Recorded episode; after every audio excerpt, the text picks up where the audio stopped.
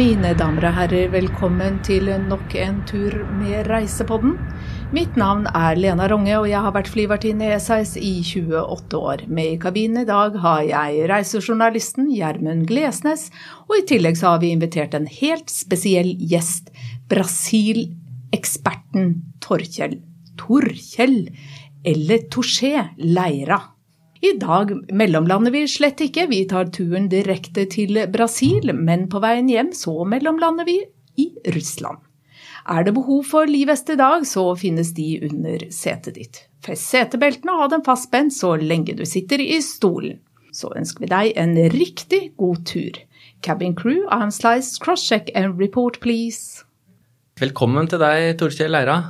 Tusen takk. Det skal jo selvfølgelig handle mye om eh, det gøye i Brasil. Og for nordmenn så er jo det veldig sånn uh, Copacabana, det er uh, den fineste fotballen i verden, karneval det er, sånn, det er veldig mye moro, mye livsglede.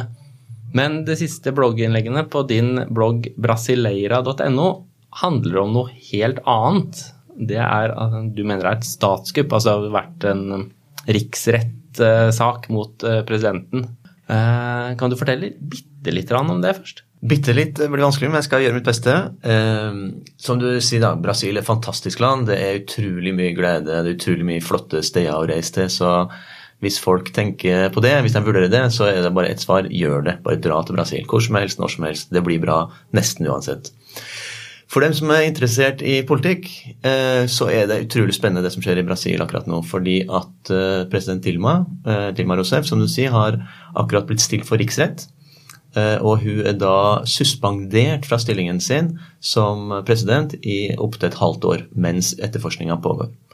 Og jeg har gått litt høyt ut på banen og kalt det her et kupp.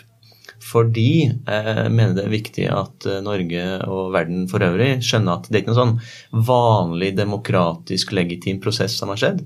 Men det her er en velplanlagt, en rask, en veldig skitten Eh, og illegitim, mener jeg, maktovertakelse. Det er den eh, høyre opposisjonen i Brasil, hvis du da tolker det inn i en sånn høyre-venstreakse.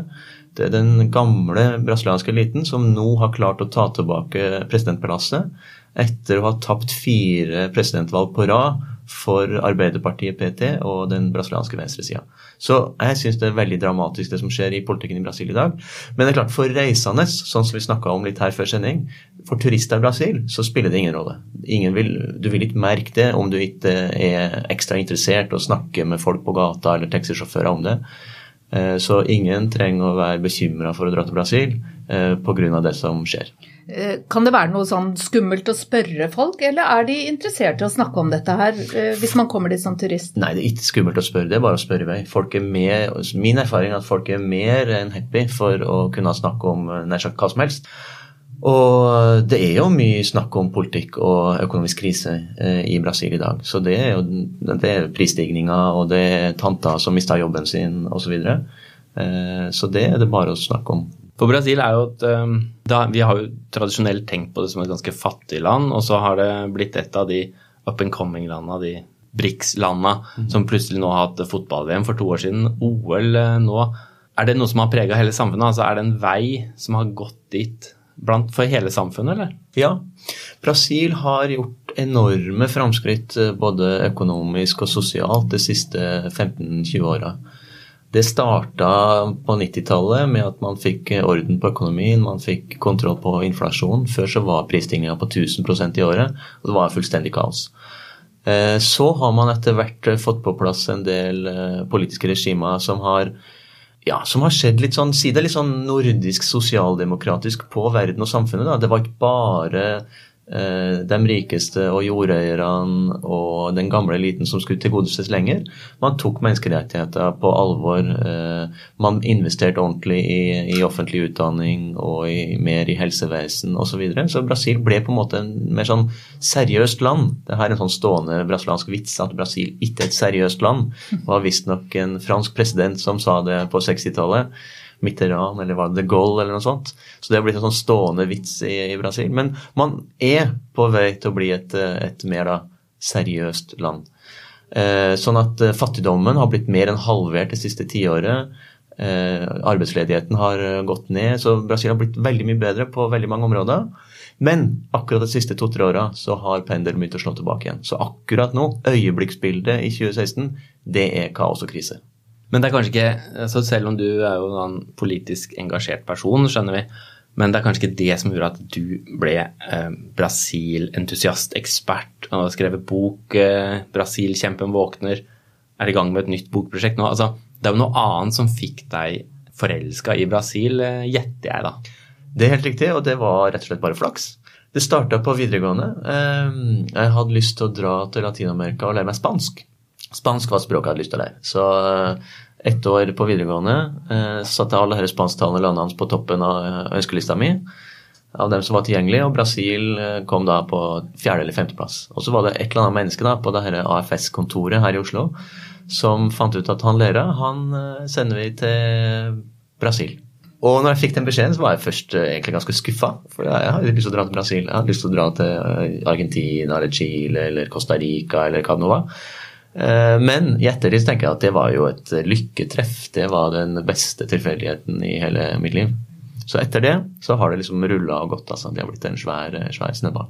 Mm. For Hvis du skal sammenligne altså Argentina og Costa Rica, Chile Det er jo spennende land, det. òg. Brasil er jo da jeg vet ikke hvor mange ganger større. Altså, har det alt som de andre landene har, og mer til, da? Eller hva, hva har Brasil? Ja, Brasil har alt. Nå skal jeg ikke gi meg inn på noen sammenligninger og rangeringer, men uh, sånn uh, det, det, det, er litt farlig, og da kan man tråkke andre entusiaster og andre eksperter på tærne, selvfølgelig, og folk som bor der sjøl. Men Brasil er jo kjempesvært, da. Det bor 200 millioner mennesker der. Det er, så det er den femte største befolkninga i verden. Det er, 8, det er 25 ganger så stort som Norge, så det er det femte største landet i verden nå. Det har kanskje den åttende eller niende største økonomien. Så det, det er liksom gigantisk uansett hvordan du, du måler det. Eh, og også når det gjelder miljø, naturmiljø. Det har fjell, det har strender, det har ørkenområder. Det eneste Brasil kanskje ikke har, det er sånn snødekte fjell hvert eneste år. Det kommer litt snø i Sør-Brasil annethvert år, og det er jo en kjempeevenement for dem lokale. Eh, ja, men ja, Brasil har alt. På godt og på vondt. Du er eh, midt i en reise nå, skjønte vi. Kan ikke du fortelle litt om den reisen, og hva, hva startet den? Ah, det her er yndlingstemaet mitt. Ehm, jeg skrev en bok for to år siden som het 'Brasil kjempen våkne', som var et litt sånn ambisiøst prosjekt om å forklare det moderne Brasil, i og med at jeg mente at Brasil hadde endra seg så mye på 2000-tallet, og at det ikke fantes noe litteratur på norsk om Brasil. Og det her var rett før fotball-VM i 2014. Og helt siden jeg liksom trykka på send-knappen på siste manuset, siste liksom gjennomlesing og oppsett og alt det der, det var sånn fem, fem, minutter med sånn intens eufori. liksom Første boka, og det var helt fantastisk. Men fem minutter etterpå så, så et eller annet sånn som begynner å liksom bli litt tomt. Ikke sant? Det er et spørsmål ok, men hva nå? Jeg hadde jo jobb og skulle jobbe, men på det Kalles liksom antiklimaks, nesten? Ja, det er litt sånn den tomhetsfølelsen etter en kjempeeksamen eller en, en bacheloroppgave eller noe sånt. ikke sant?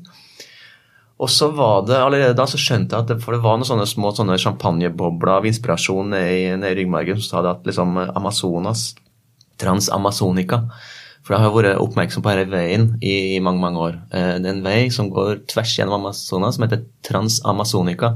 Som kanskje det nærmeste Brasil kommer den transsibirske jernbanen. Og um, det er en vei da, som starter helt ved nordøstkysten, ved Atlanterhavet eh, og går inn gjennom Amazonas, 4223 km helt nøyaktig. Men så stopper det bare midt inni der, i en liten landsby som heter Labria, som ligger ved ei elv som heter Poros. Og liksom, men planen var egentlig at den skulle tvers over Andesfjellene og over til Stillehavet. Så et av spørsmålene er jo liksom, hva som skjedde egentlig? Hvorfor kom de aldri videre? Den veien her ble beslutta bygd av militærdiktaturet tidlig på 70-tallet, så er det en utrolig sånn spennende politisk historie òg.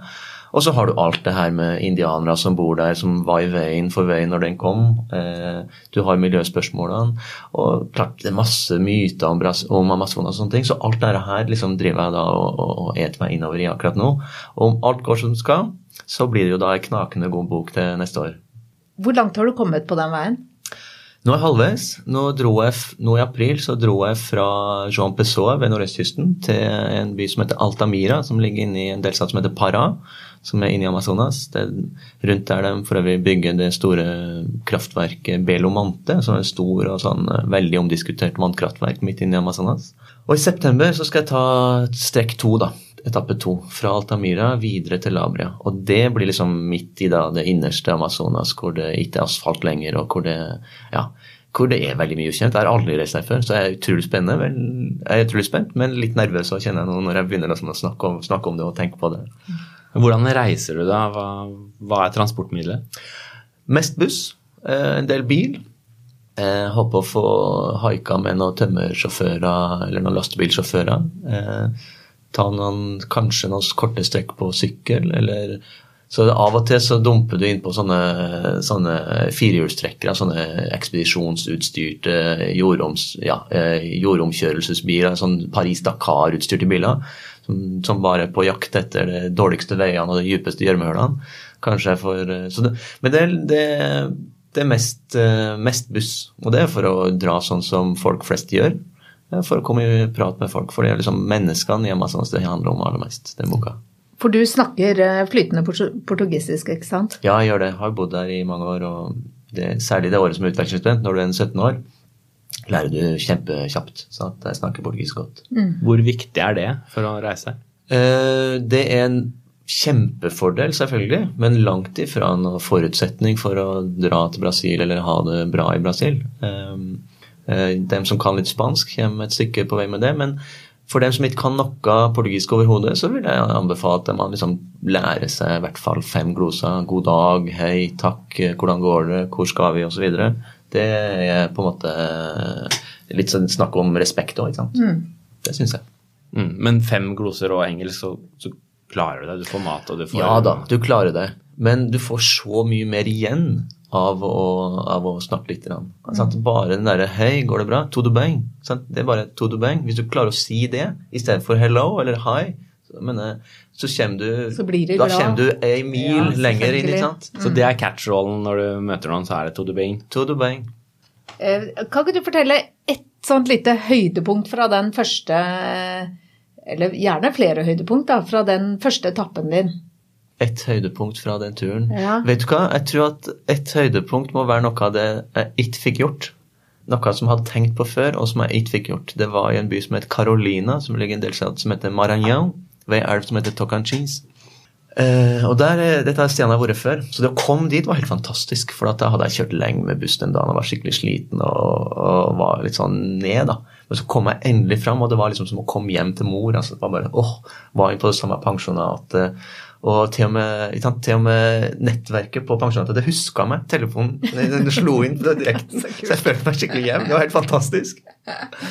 Men så var det noen dager etter når jeg skulle videre, nordover da, langs den elva Tokanchins. Det er en fantastisk ny vei som går liksom vegg, rett ved grensa til en nasjonalpark som du har østafor på høyresida når du kjører nordover.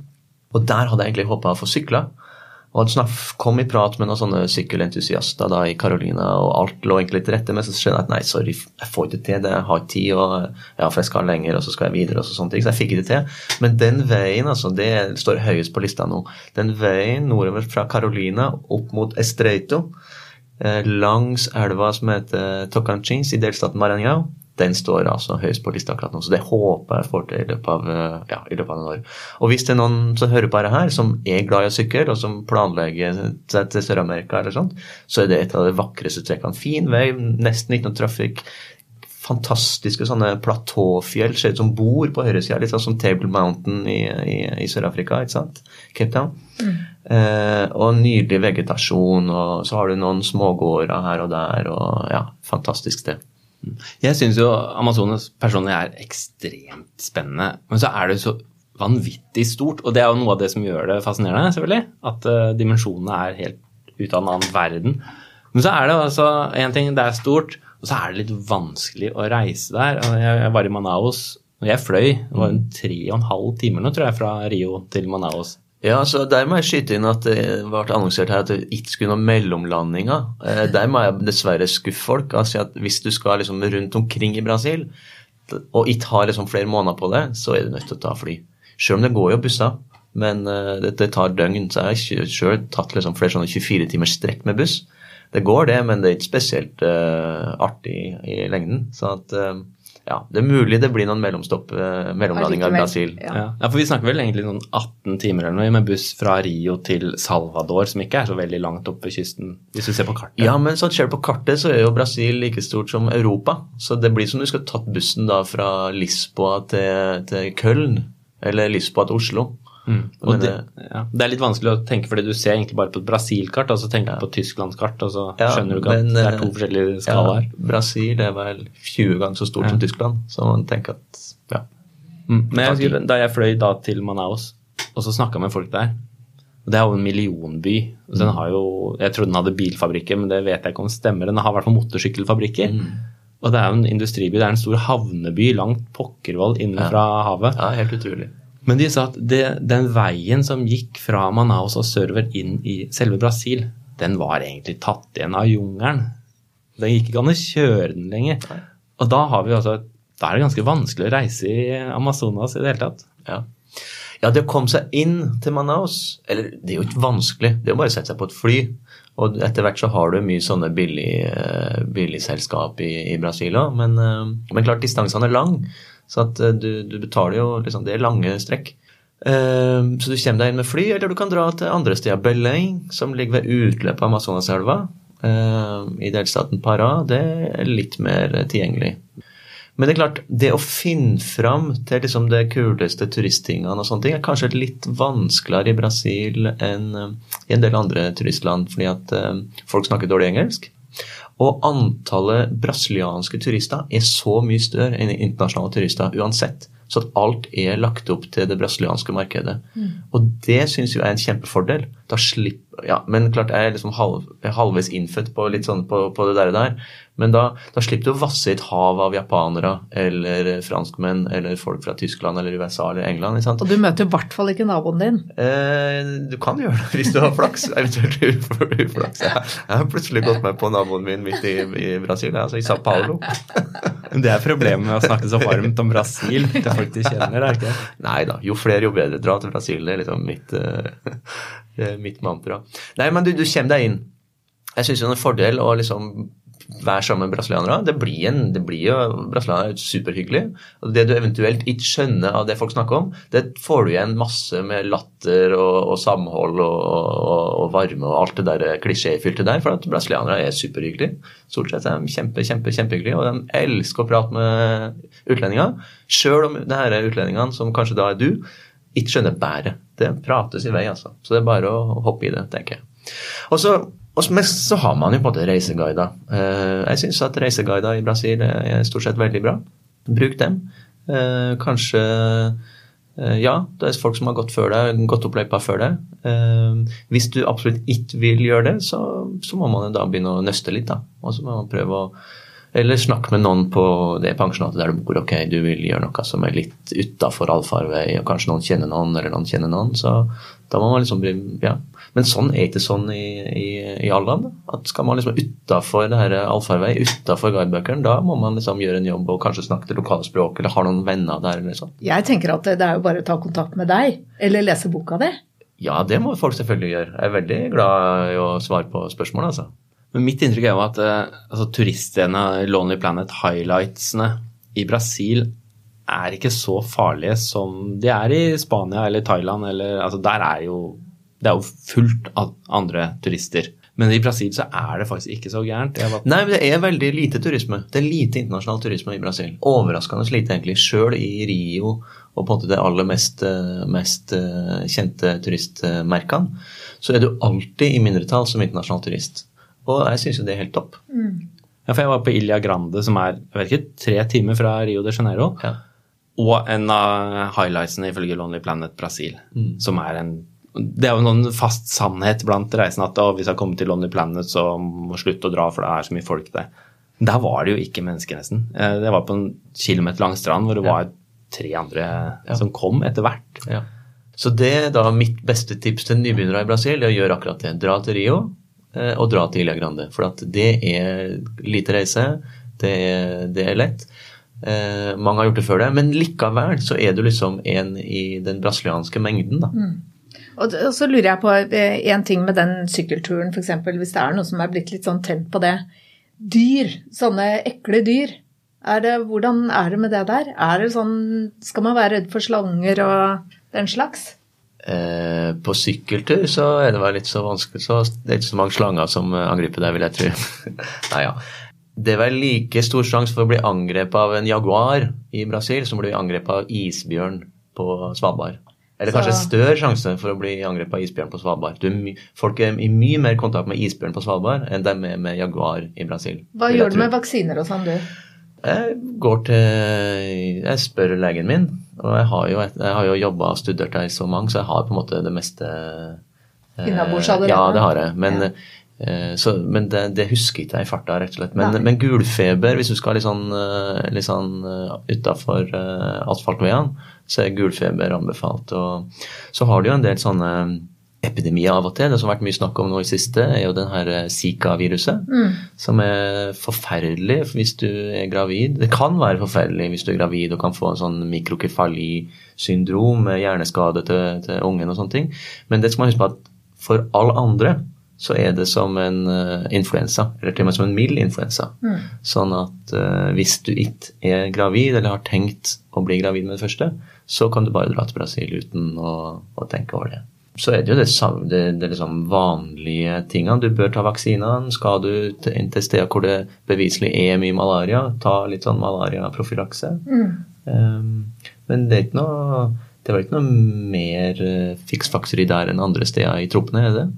Nei, det er ikke som jeg kan tenke meg. Ja, det er jo Zikaen som kanskje Ja. får noen til å tenke seg om to Ja. ganger nå, da, men den har jo også begynt å spre seg ganske Ja, litt, den har du jo i 50 land i Amerika, og inkludert, um, inkludert så har du jo hatt, um, eh, hatt folk i USA som har blitt smitta. De har riktignok, i hvert fall nå i tidligere vinter, da når jeg sjekka det sist, så hadde jo de blitt smitta i Karibien. Men igjen, er du ikke gravid akkurat nå, så kan du dra med god samvittighet. Og så ja, Unnskyld, Gjermund. For jeg blir så nysgjerrig, vet du, for jeg har jo ikke vært der før. Så da tenker jeg på Har du jobba 28 år i SAS, og så har du ikke vært i Jeg vet det, det er helt vilt. De flyr Men- ikke dit, vet du. Men jeg skjønner jo at jeg må dit. Det skjønner jeg jo. Ja, det må du. Eh, Og det er jo så deilig å ha sånne ting til gode som man bare kan eh, Mm. drømme om. Mm. Eh, Mat og drikke. Ja. Ja. Ja. Hva Ja, er drikker man? Hva spiser Ja, man? nei, man drikker og spiser alt det man har lyst på. Det man må spise, og det er jo min Det var mer favoritt det jeg mente. Det man må spise, det er jo noe som heter pound queijo, som er sånne salte små osteboller som du får på enhver kafé eller kaffebar. Og er perfekt både med kaffe, men også med øl, faktisk. Sånn at, eh, Og det har jeg spådd et par år allerede, at eh, det blir det som kommer. Det blir det som blir lansert eh, før fotball-VM, var det jeg håpa og spådd. Der tok jeg feil. Jeg har òg spådd, men litt mer i tvil. om Det blir det som blir langsørt før OL i Rio, men jeg tror det kommer nå heller. Dessverre. Men det er altså et must hvis du er, hvis du er i Brasil. Sånne små osteboller. Punch queso. I, og så må du drikke juice. Det fins jo det finnes liksom tusenvis av ulike sånne amazonas og tropiske frukter som vi aldri har hørt om i Norge. Ja. Og på en standard juicebar på ethvert hjørne så har de minst 30 forskjellige smaker. Og da er min anbefaling start, på, start øverst, og så bare jobb deg nedover. Og hopp over dem du kan fra før. Bare for å liksom få testa. Åtte av ti er god. To av ti er helt Ja, de er ikke gode. Men da prøver du bare neste på lista. Jeg skal spørre om noe helt eh, annet som er litt mindre hyggelig, og det er eh, sikkerhet. For det, jeg forbinder jo Brasil og veldig mye av resten av Latin-Amerika med kriminalitet. Det var det eneste landet jeg hadde reist med mitt gamle kamera, for jeg tenkte nei, det kommer sikkert til å bli stjålet likevel. Det eneste landet jeg har blitt frastjålet kamera, er USA, som jeg ikke tenkte det samme på. Men, men det er jo et, um, et faktum at det er en del kriminalitet i Brasil. Ja, men den historia di syns jeg er veldig god. For det er ikke mer Det er ikke farligere å dra rundt i Latin-Amerika enn det å dra rundt i en eh, ja, en, en storby i USA eller i Sør-Europa.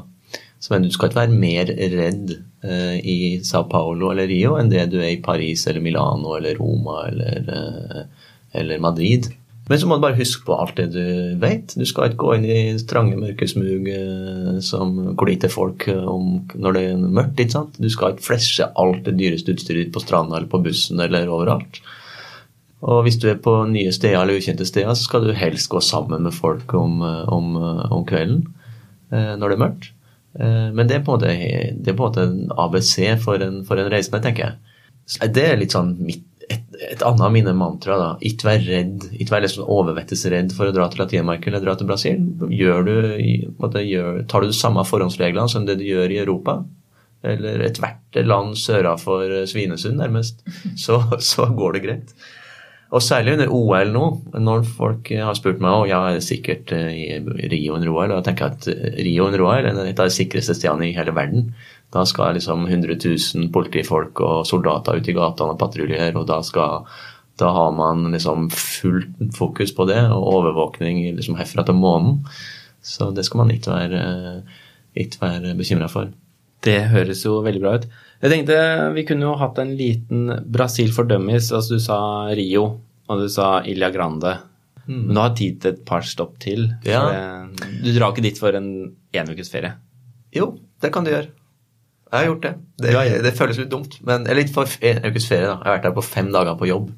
Eh, det føltes helt idiotisk, men det var bra for det. Eh, men selvfølgelig, skal du dra til Brasil, det er langt å fly, så ha, ha, ja, ha, litt, ha så god tid som mulig. Men hvis du da har gjort Rio og Ilja Grande Og Rio mener du er nødt til å dra opp på Kristusstatuen. Det er en klassiker med god grunn. Du er nødt til å dra på Capacabana bare rusle litt rundt der og se hvordan det er. Du er nødt til å dra opp på Sukkertoppen og Ja, det der turistingene, klisjeene der, er, er, det med veldig, veldig god grunn. Det er fantastisk vakkert. Men da, hvis du har gjort det, da, for da får du på Ilja Grande så får du det derre naturreservat og ingen biler og strender. Du går fra strand til strand eller tar båt og vakkert og bading og snorkling og alt det der deilige der. Så vil da mitt På nummer tre, da, da blir det litt reising. Først opp til en by som heter Belo Horizonte, som ligger rett nord for Rio. Eller rett nord og rett nord, det er kanskje fem timer med buss eller sånt. Og så en time med buss utafor der, et sånn gammelt sånn gruveparadis som heter Oro Preto. Svart gull betyr det. Så det er en by som bare eksploderte opp på 1700-tallet, når uh, portugiserne endelig fant gull. De hadde leita siden i 200 år hadde de leita etter gull. Endelig fant de det. Og da bomba en kjempeeksplosjon med gullgraving i det området, og den byen er helt nydelig med sånne gamle kolonibygninger eh, mer sånn barokkstil eh, og fantastiske kirker og utsmykking av en sånn lokal eh, kar som heter Alain Shajinho, som er ja, ja, så det ville ha vært nummer tre, da. Og da har du egentlig brukt såpass lang tid både på Ilja Grande og Rio at da holder det? tenker jeg. Ja, jeg tenker det. Har du Ikke gjør for mye. For altså, Brasil er så svært at eh, liksom, hvis du skal liksom, fra A til B, så tar det ofte et døgn. Eller mer. Sant? Skal du fra Ilja Grande, så må du ta båten inn, og så må du ta bussen til Rio, og så må du ta et fly eller en ny buss. Ikke sant? Så transportetappene er langt. Så ha så få transportetapper som mulig. Bruk heller mer tid på hvert sted. Det er mitt uh, tips i hvert fall. Altså I Reisepodden så er vi litt opptatt av å også trekke frem de negative tingene. Oh. eh, vi syns ikke vi bare skal holde på å si halleluja til ja, ja. alt, liksom. Og da er det et sted i Brasil hvor du tenker at ikke dra dit. Du, på den turen som jeg hadde nå, så kom jeg til et sånt sted. Og beklager altså folk som bor i Marabá. Det er en by med et par hundre tusen innbyggere eh, i delstaten Pará oppe i Nord-Brasil. Men der må jeg altså Jeg må liksom skylde like mye på meg sjøl, for jeg var så trøtt og så sliten og så, så og ja, litt sånn smådeppa og nedkjørt at når jeg kom dit da, så syns jeg bare det var den styggeste byen jeg har sett i hele mitt liv. Altså. Det var bare det verste av det det urbane har. Det var eksos og asfalt og betong og bare reklame for sånne byggefirmaer og bilutleier og biler. Altså, jeg synes, Og kloakklukt, og det lukta Ja, uff, det var så fælt. Så beklager alt fra Marabá. Eh, jeg likte ikke byen deres. Får vi lese om den i når Transatlantica-boka kommer, eller? Eh, det, var, det står vel ikke så mye om den byen, men kanskje akkurat, akkurat litt i den der følelsen der. Fordi at eh, Nei, men det var et eller annet med at du, du kommer da, du har kjørt gjennom det vakreste landskapene, og det er skog på hver side, og og etter hvert mye, etter hvert mye beiteland og nedhogde områder og sånne ting. Og så kommer du bare til en sånn eh, stygg eh, betonghelvete midt inni der. Det som tidligere har vært litt sånn vakre sånne små vakre små, mm, små landsbyer langs elvene. Og, og det har bare fått med masse utbygging En ting er at veien, den Transamazonica, at den veien kom. Men nå var det det største gruveutbygginga i, i noen av de største gruveområdene i hele verden.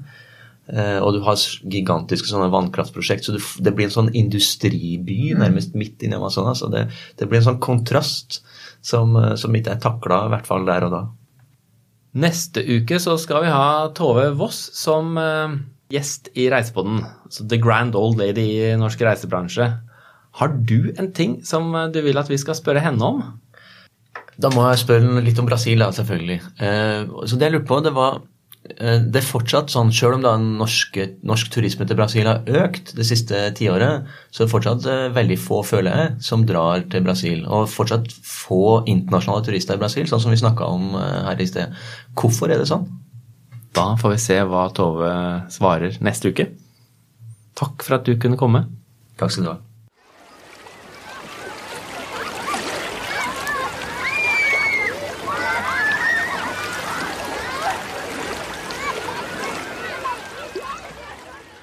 Du har snakka med Marit Lena, om hvor hun ville hvis hun vant en million.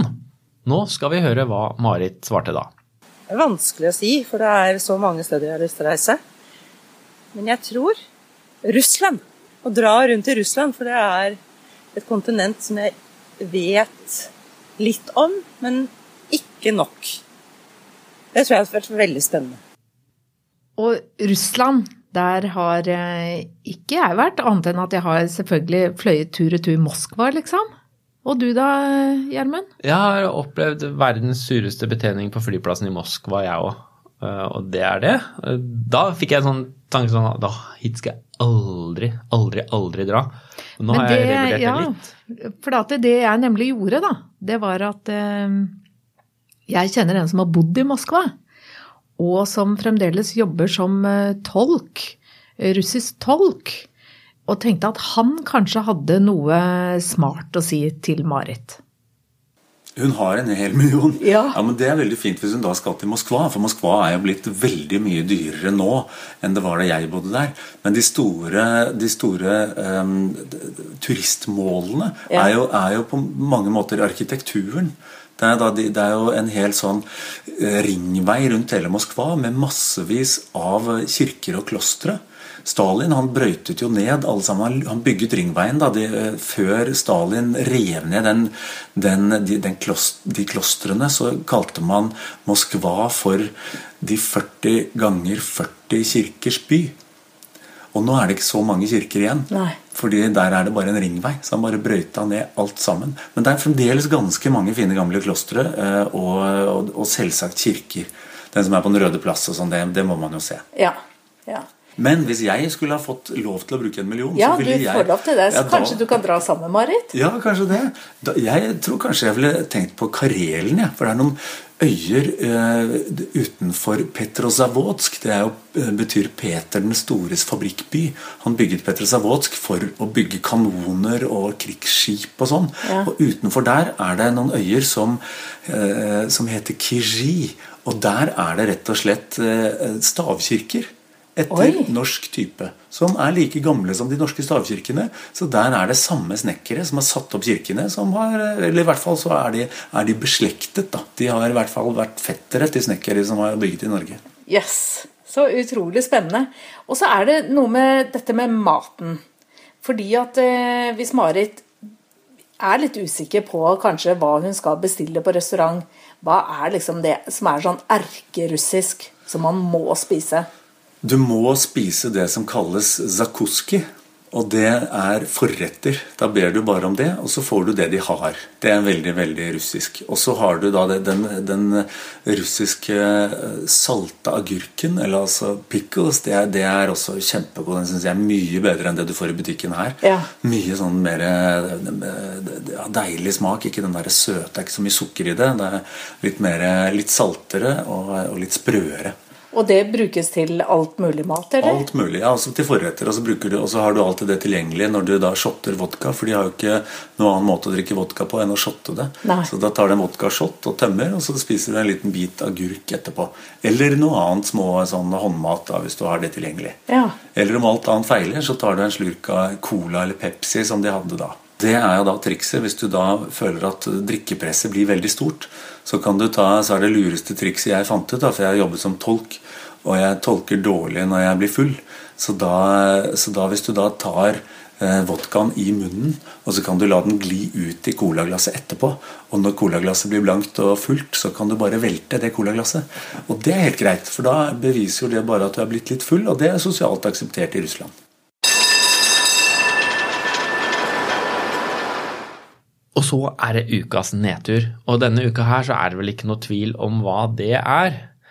Eller er det det, Lena? Altså, Ryanair hadde jo i går pressekonferanse og fortalte om sine planer for flytrafikk fra Norge etter at flyavgiften nå er innført. Og da var det jo De skal jo legge ned Rygge. Og det er jo, altså, Rygge flyplass som legger ned Rygge. Men Ryanair legger ned sin base der og flytter all, alle fly vekk. Ja. Noen skal gå fra Gardermoen, noen fra Torp, og resten er jo da reduksjon av rutetilbudet til Ryanair. Og de hevder jo at eh, den eneste årsaken til at de legger ned, er eh, denne flyplassavgiften. Og at de kommer til å åpne igjen med en gang hvis eh, den, den avgiften blir, blir fjernet. Altså, jeg, det er klart at jeg er jo ikke helt eh, hva skal vi si, nøytral i denne debatten her, for jeg syns jo at eh, Ryanair er et skikkelig møkkaselskap, hvis jeg skal være ærlig. Jeg ville ikke satt mine bein i et Ryanair-fly. Når det er sagt, da, så er det jo forferdelig at det er 1000 arbeidsplasser som forsvinner. Det er det jo. Ja, det er absolutt eh, Det er forferdelig. Det er veldig mange arbeidsledige, i, spesielt i Moss-området, selvfølgelig, som de fleste Rygge-ansatte bor. I hvert fall Østfold. Men ja, jeg tenker litt som deg at nedtur både og. Nedtur for de som mister jobben, og alle som kjenner de som mister jobben, og nedtur for lokalsamfunnet der. Men det her er jo en del av det som kalles det grønne skiftet. Ja. Og det er jo det Donald Trump har jo gått ut i amerikansk valgkamp og snakka om at her skal ikke én kullarbeidsplass ofres for det tullingene kaller miljøvern og klima. Og jeg tenker at ja, men eh, det er kanskje litt kortsiktig. ja. Nå er jo han en gammel mann med tupé, så, så han klarer seg sikkert i sin levetid, han. Han er øverst ved bordet òg. Men vi har et visst ansvar. Det er noe med at vi vi må tenke faktisk fremover. Så nei, eh, sorry, men eh, vi kan kalle det nedtur, og så kan folk eh, lese det som de vil. Men eh, vi syns det er nedtur at 1000 mennesker mister jobben. Men eh, vi syns ikke det er noe nedtur at eh, Ryanair forsvinner fra Rygge. Nå skal vi gå inn for landing, Lena. Det gjør vi, så derfor vil jeg påse at, eh, be deg påse at beltet er skikkelig festet. Jeg vil be deg om å ta opp bordet og sjekke at all håndbagasje ligger godt under setet foran deg. Lurer du på noe om reiser generelt, eller om denne reisen spesielt, så ikke nøl med å ta kontakt med oss på Facebook-siden vår Reisepodden, eller gå inn på reisepodden.no. Der vil vi også legge ut informasjon om dagens reiser. Da vil vi gjerne takke for at du valgte å fly med oss, og vi ønsker på snarlig gjenhør. Cabin crew, disarm slides, cross-check and report please.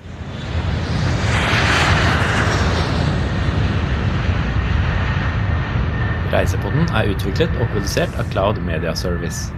Sjekk også vår andre podkast, Foreldremøte, en podkast om barn og oppvekst.